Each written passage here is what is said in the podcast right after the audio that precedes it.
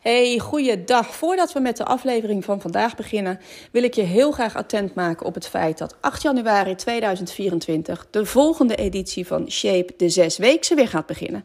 In die zes weken ga ik jou meenemen in de wonderenwereld van diëten, vetverlies, afvallen, fitness, beweging en noem het allemaal maar op. Alle vragen die jij hebt kun je daarin stellen. Je wordt onderdeel van de besloten en warme Shape community waar alle deelnemers en ex-deelnemers in zitten. En ik ga jou zes weken begeleiden. Elke week krijg je een coaching sessie en uh, de deelnemers behalen altijd super, super mooie resultaten. Zeg jij nou, ik wil op eigen houtje aan de slag, ik wil niet afhankelijk zijn van een startdatum. En ik wil wel graag alles van je leren wat ik moet weten. Dan kun je de do-it-yourself aanschaffen. Die is ook uh, heel erg compleet. Beide staan, de links voor beide om je aan te, aan te melden, staan in de show notes. Die uh, even naar boven scrollen in de, in de podcast. Niet bij de aflevering, maar daar waar de podcast start. En daar kun je voor beide uh, kun je inschrijven.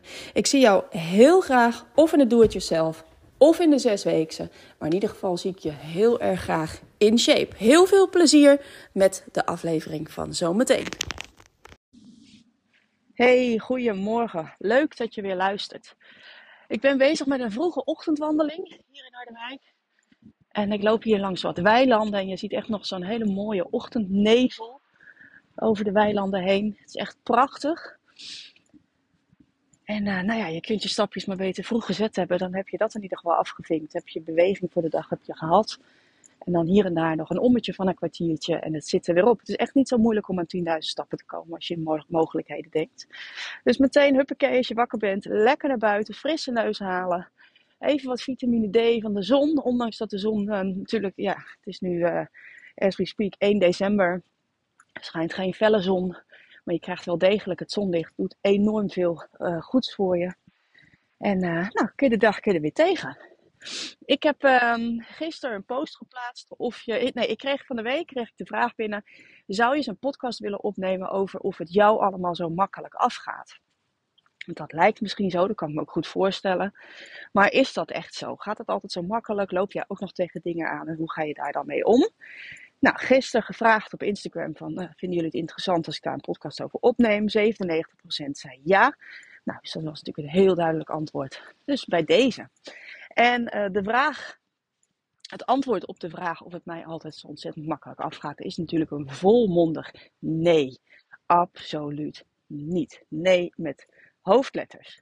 En um, nou, ik heb dat vaker volgens mij in afleveringen wel besproken. Dat ik ook gewoon mijn valkuilen heb en uh, mijn zwakke momenten.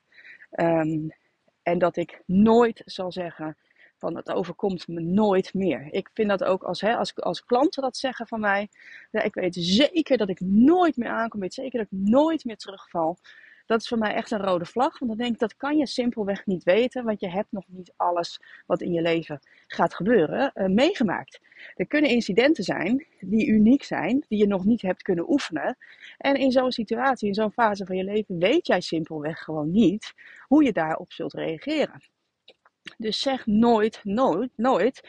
Maar blijf uh, in plaats daarvan gewoon alert. En blijf je realiseren hoe jouw oerbrein werkt. Kijk, het punt is, we hebben allemaal met dat oerbrein te maken. En dat oerbrein, nou hè, als je vaker naar me luistert, dan weet je, de primaire functie is om jou veilig te houden.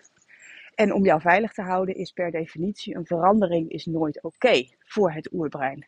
Dus het zal jou altijd proberen te leiden terug naar de oude situatie. Als je dat realiseert, dan weet je dat je gewoon simpelweg je eigen valkuilen met je meedraagt. Dat blijft zo. En het stomste wat je kunt doen, is daartegen gaan vechten. Het stomste wat je kunt doen, is gaan zeggen, dat stemmetje in mijn hoofd en ik wil dat niet meer, ik wil niet aan eten denken. Het zit er en het hoort er te zijn en het heeft een functie. En vechten tegen iets um, dat jou niet bevalt, ergens niet aan willen denken.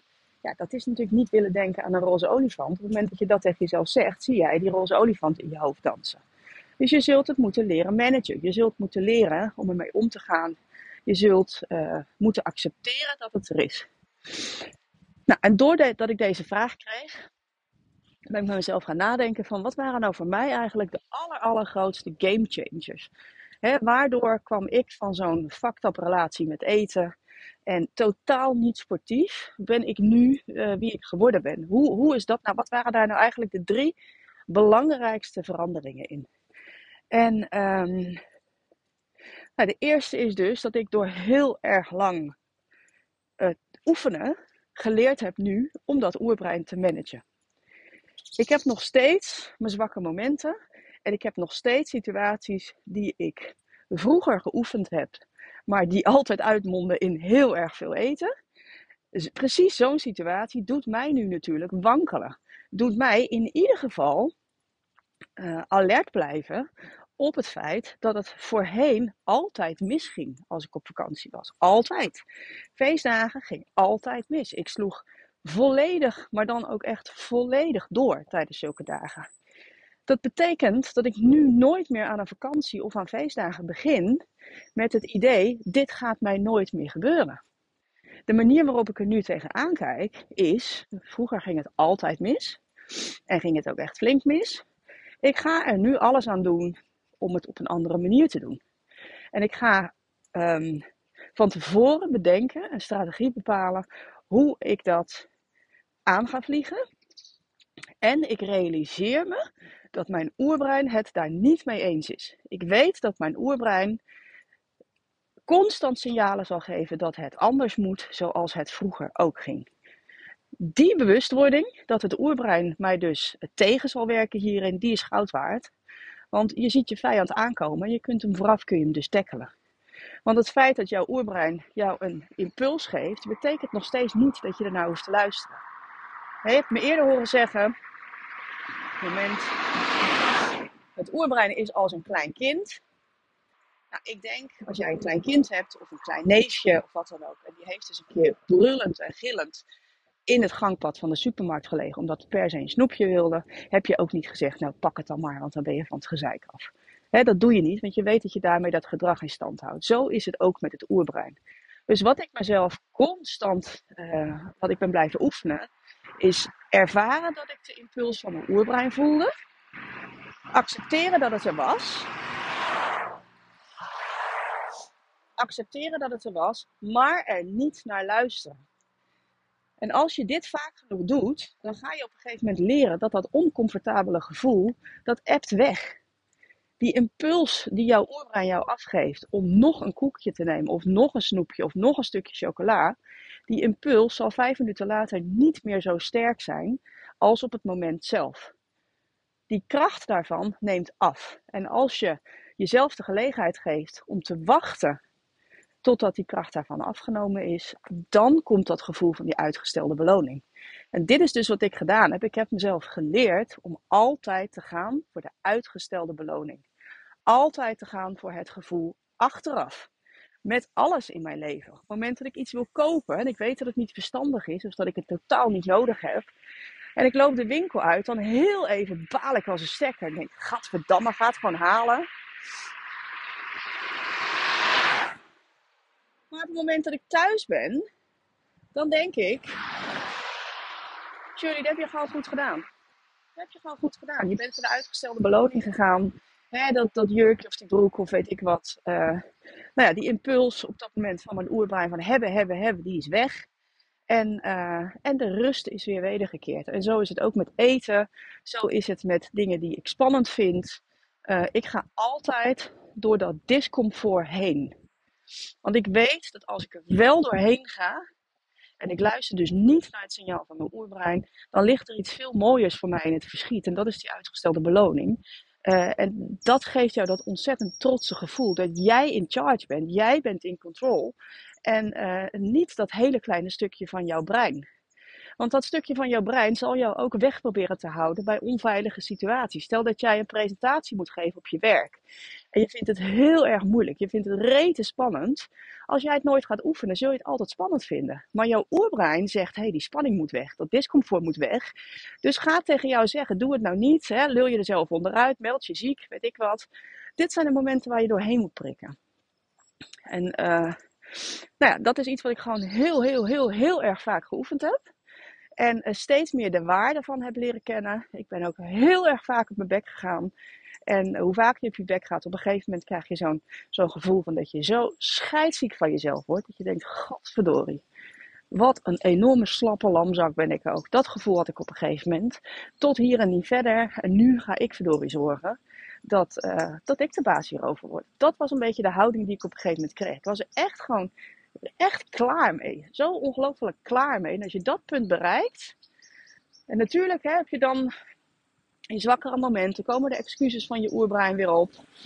Um, op het moment dat ik nu uh, slecht geslapen heb, of ik heb veel stress, of weet ik wat, dan weet ik vooraf van hé, hey, vandaag gaat mijn oerbrein mijn parten spelen. Vandaag is mijn oerbrein sterker dan mijn volwassen brein. En het is aan mij om dat om te draaien. Maar ik ben me dus bewust van mijn valkuilen. Als wij op vakantie gaan, je kunt mij niet gelukkiger maken dan zo'n uitgebreid ontbijtbuffet. Een ontbijtbuffet in een hotel vind ik fantastisch.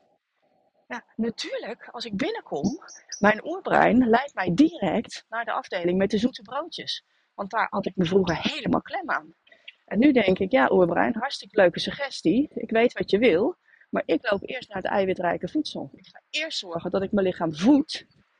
En daarna met een volle buik ga ik kijken of er nog plek iets is voor iets dat in mijn 20% hoort. En, uh, dus ik, ik luister niet meer naar het oerbrein. Wat ik verder gedaan heb, is mijn perfectionisme onder de loep genomen. Hè, vroeger uh, dacht ik altijd van perfectionisme is een goede eigenschap. Nou, inmiddels weet ik dat het verre van een goede eigenschap is. Althans, ik vind dat. Omdat ik me nu realiseer dat perfectionisme voortkomt uit pure onzekerheid. kijk eens hoe goed, hoe goed ik het doe. Kijk eens hoe goed uh, het werk is dat ik aflever. Kijk eens hoe mooi het allemaal is. Kijk eens hoe netjes mijn huis allemaal is. They don't give a fuck. Weet je, ze zijn helemaal niet zo met jou bezig. Het zit in jou. Het zit in jou. En dat ben ik steeds meer los gaan laten.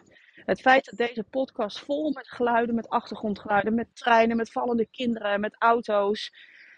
Dat is een teken dat ik mijn perfectionisme heb losgelaten. Vroeger zou ik het nooit geplaatst hebben, want het moest tot in de puntjes moest het verzorgd zijn. Het moest waarschijnlijk ook nog naar een editor van tevoren. Ik zou er een hoop kosten voor gemaakt hebben. En nu denk ik, hey, vind jij het niks? Dan vind jij het niks. Helemaal prima, maar dit is de manier waarop ik het aanlever. En bestempel jij het dan als een onvoldoende, is helemaal oké met mij. Dus ik heb, um, ik heb dat losgelaten. En het heeft me zo ongelooflijk veel ruimte en, en lucht in mijn hoofd opgeleverd. Ik vind het heerlijk. Het is goed genoeg. Het is goed genoeg. Want jij hebt de lat zoveel hoger liggen dan de gemiddelde mens. En voor de gemiddelde mens is jouw, jouw 8 misschien sowieso een dikke 10. Maar jij, voor jou moet het maar beter en beter. Jij focust op al die dingetjes die nog niet goed zijn. Al die kleine details. Hou op. Hou gewoon op. En dat heb ik steeds meer geleerd. En ik moet zeggen, je hebt het me vaak horen zeggen, het ondernemerschap is de allerbeste persoonlijke ontwikkelingsreis die er is. Want dit ga je tegenkomen als je ondernemer bent of als je nou, een carrière of wat dan ook. Je kunt niet groeien als je je perfectionisme niet loslaat, want dan ben je gewoon veel te veel bezig met futiliteiten je maakt jezelf knetter, knetter gek. En voordat je het weet zit jij met een burn-out thuis. Dus je kunt ook niet anders. Het heeft me enorm veel gebracht. Uh, loslaten van wat een ander van mij vindt. Doordat ik mezelf steeds sterker ga voelen, uh, ben gaan voelen vergeleken met hoe ik nou ja, zeg maar rond mijn twintigste was, um, ben ik steeds meer gaan loslaten wat een ander van mij vindt. Vind jij mij niet leuk, dan is dat helemaal prima. Sterker nog, het kan dat ik jou alsnog heel erg leuk vind, terwijl jij mij niet leuk vindt. Het is goed. En waarom is dat? Omdat ik mijn eigen waarde los heb gekoppeld van wat een ander van mij vindt. Ik weet wie ik ben. Ik weet waar ik voor sta. Ik weet wat ik waard vind, uh, ben. En ehm, als een ander dat niet met mij eens is, dan is dat goed. Het is zijn of haar goed recht. Maar het betekent niet dat ik daarmee een gevoel over mezelf krijg oh ja, ja, nee, ja, dat is toch niet goed. En uh, hè, ja, mijn eigen waarde. En nee, dat, dat heb ik gewoon niet. Het is helemaal oké. Er zijn heel veel mensen die het heel leuk vinden wat ik doe. Er zijn heel veel mensen die vinden het druk wat ik doe. Helemaal prima. Maar ik weet waar ik voor sta. Ik weet wat ik waard ben. Ik weet wat ik kan. Ik sta daar vierkant achter. Ik sta vierkant achter mijn boodschap. Uh, ik profileer me natuurlijk op social media ook sterk. dat betekent dat mensen uh, staan te, te wachten, staan te popelen om je kop eraf te hakken. Is helemaal goed. Als je dat op die manier doet, leer je onwijs om met kritiek om te gaan. Um, en gisteren heb je ook een post over geplaatst over het omgaan met kritiek. Als jij kritiek van iemand krijgt, vraag jezelf eerst eens even af, diegene die mij nu dit kritiek geeft, heeft diegene een leven dat ik überhaupt zou willen hebben? Nou, is het antwoord nee? Maak je dan niet eens druk? Ga je dan niet eens afvragen of je iets met die kritiek wil?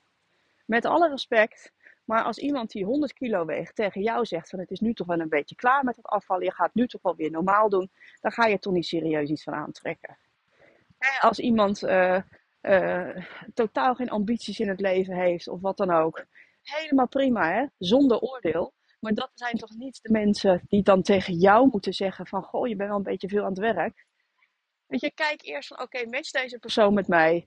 Uh, zou ik in zijn of haar schoenen willen staan? Is het antwoord nee? Let it go. Laat het gaan.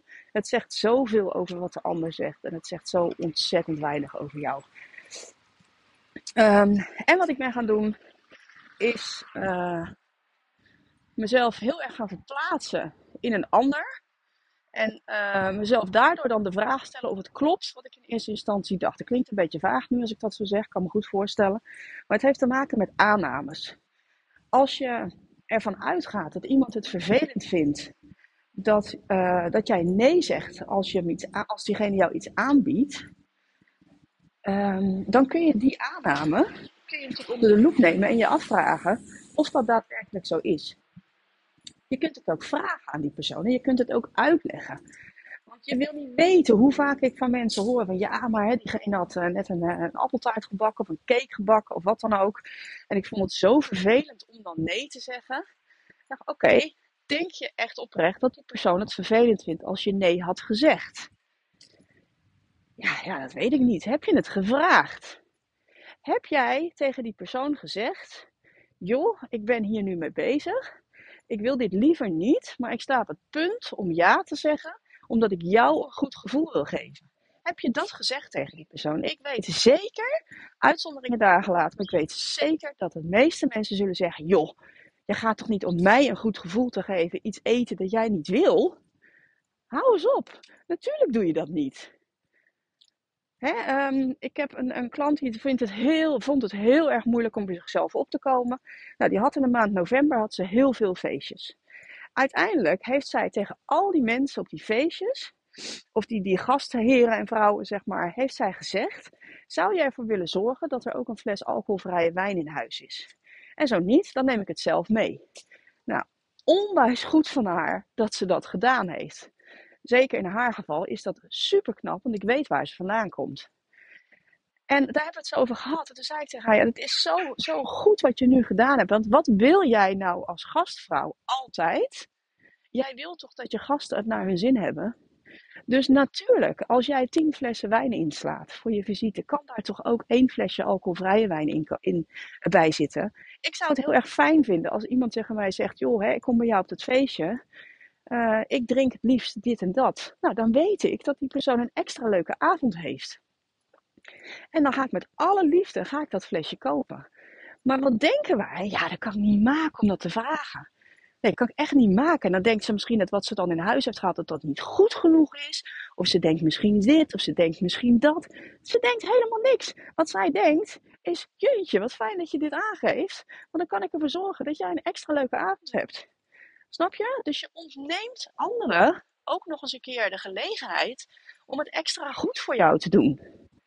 Dus die aannames die je hebt over eten, over ze vinden me dan niet gezellig of weet ik wat, die mag je echt allemaal los gaan laten en gaan checken. En als je dan iemand treft die tegen jou zegt: Ja, um, ik vind jou inderdaad heel erg uh, een stuk minder gezellig op het moment dat je niet meedoet met alcohol, nou, dan heb je waarschijnlijk een ander probleem met die persoon. Weet je, dat, dat zijn natuurlijk überhaupt niet mensen waar je zoiets van aan wil nemen. Maar ik denk dat heel veel echt goede vrienden, mensen die het goed met jou voor hebben, die zijn gewoon blij als jij aangeeft, jongens, hè, dit is wat ik wil. Um, klopt de aanname die ik hierbij maak? Of, uh, of staan jullie daar anders in? Nou, dat zijn echt voor mij de game changers geweest. Hoe ik anders naar de dingen ben gaan kijken. Het heeft me ongelooflijk geholpen. Um, het is ook echt mijn leefstijl geworden, doordat je iets gewoon heel vaak oefent. ik zeg altijd, dingen kunnen beginnen als een opoffering. Als je het lang genoeg volhoudt, wordt het een gewoonte. En van een gewoonte wordt het uiteindelijk wordt het een leefstijl. En tref je jezelf ineens in situaties dat je denkt, hé, hey, ik hoef er niet eens over na te denken om dit te doen. Want het is gewoon zo bij mij gaan passen, gaan horen. En dan weet je dat het een leefstijl is. Nou, zo sta ik nu in het leven. Um, maar om dan weer helemaal terug te komen, het begin van het verhaal. Ja, ik hoop dat dat duidelijk voor je is. Natuurlijk heb ik mijn lastige momenten alleen. Ik weet waar ze liggen. Ik weet, stel dat mij nu iets mocht overkomen dat ik nog nooit heb meegemaakt, iets dat heel stressvol is, dan weet ik direct, Shirley, je oerbrein gaat nu opspelen. Als je daaraan toegeeft, gaat het je niets helpen, want dat lost het probleem niet op. Als honger het probleem niet was, was eten ook niet de oplossing. Dus ik heb daarin mijn andere uh, uitlaatkleppen gevonden. Als ik het nu zwaar heb, dan ga ik wandelen. Uh, ik ga extra vroeg naar bed. Ik ga uh, juist, omdat mijn lichaam dan dus meer stress ervaart, ga ik het extra voeden in plaats van vullen. Want dat is ook een hele bizarre gewaarwording. Hè? Als je dat realiseert, dat moment van stress, heeft je lichaam het echt niet makkelijk. Dat is bezig voor jou om dat allemaal goed uh, in goede banen te leiden. En wat doe jij? Jij gaat het extra ongezond eten en drinken geven. Vaak ook nog gepaard met alcohol.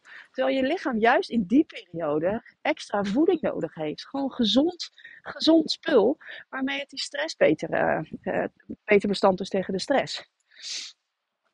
Nou, dit zijn allemaal dingen waar ik heel erg consequent mee, mee aan de slag ben gegaan persoonlijke ontwikkeling staat bij mij heel erg hoog in het vaandel. Omdat ik ervan overtuigd ben dat als je daarin duikt, als je daarmee aan de slag gaat, dan ga je elk doel in je leven ga je, ga je bereiken.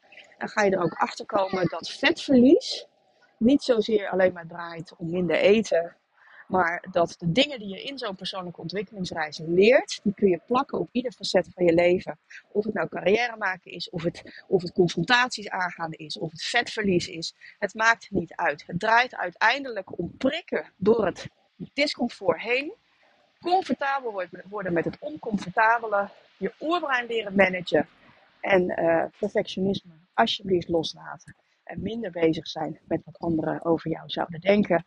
En het checken. Want 9 van de 10 keer klopt jouw aanname niet.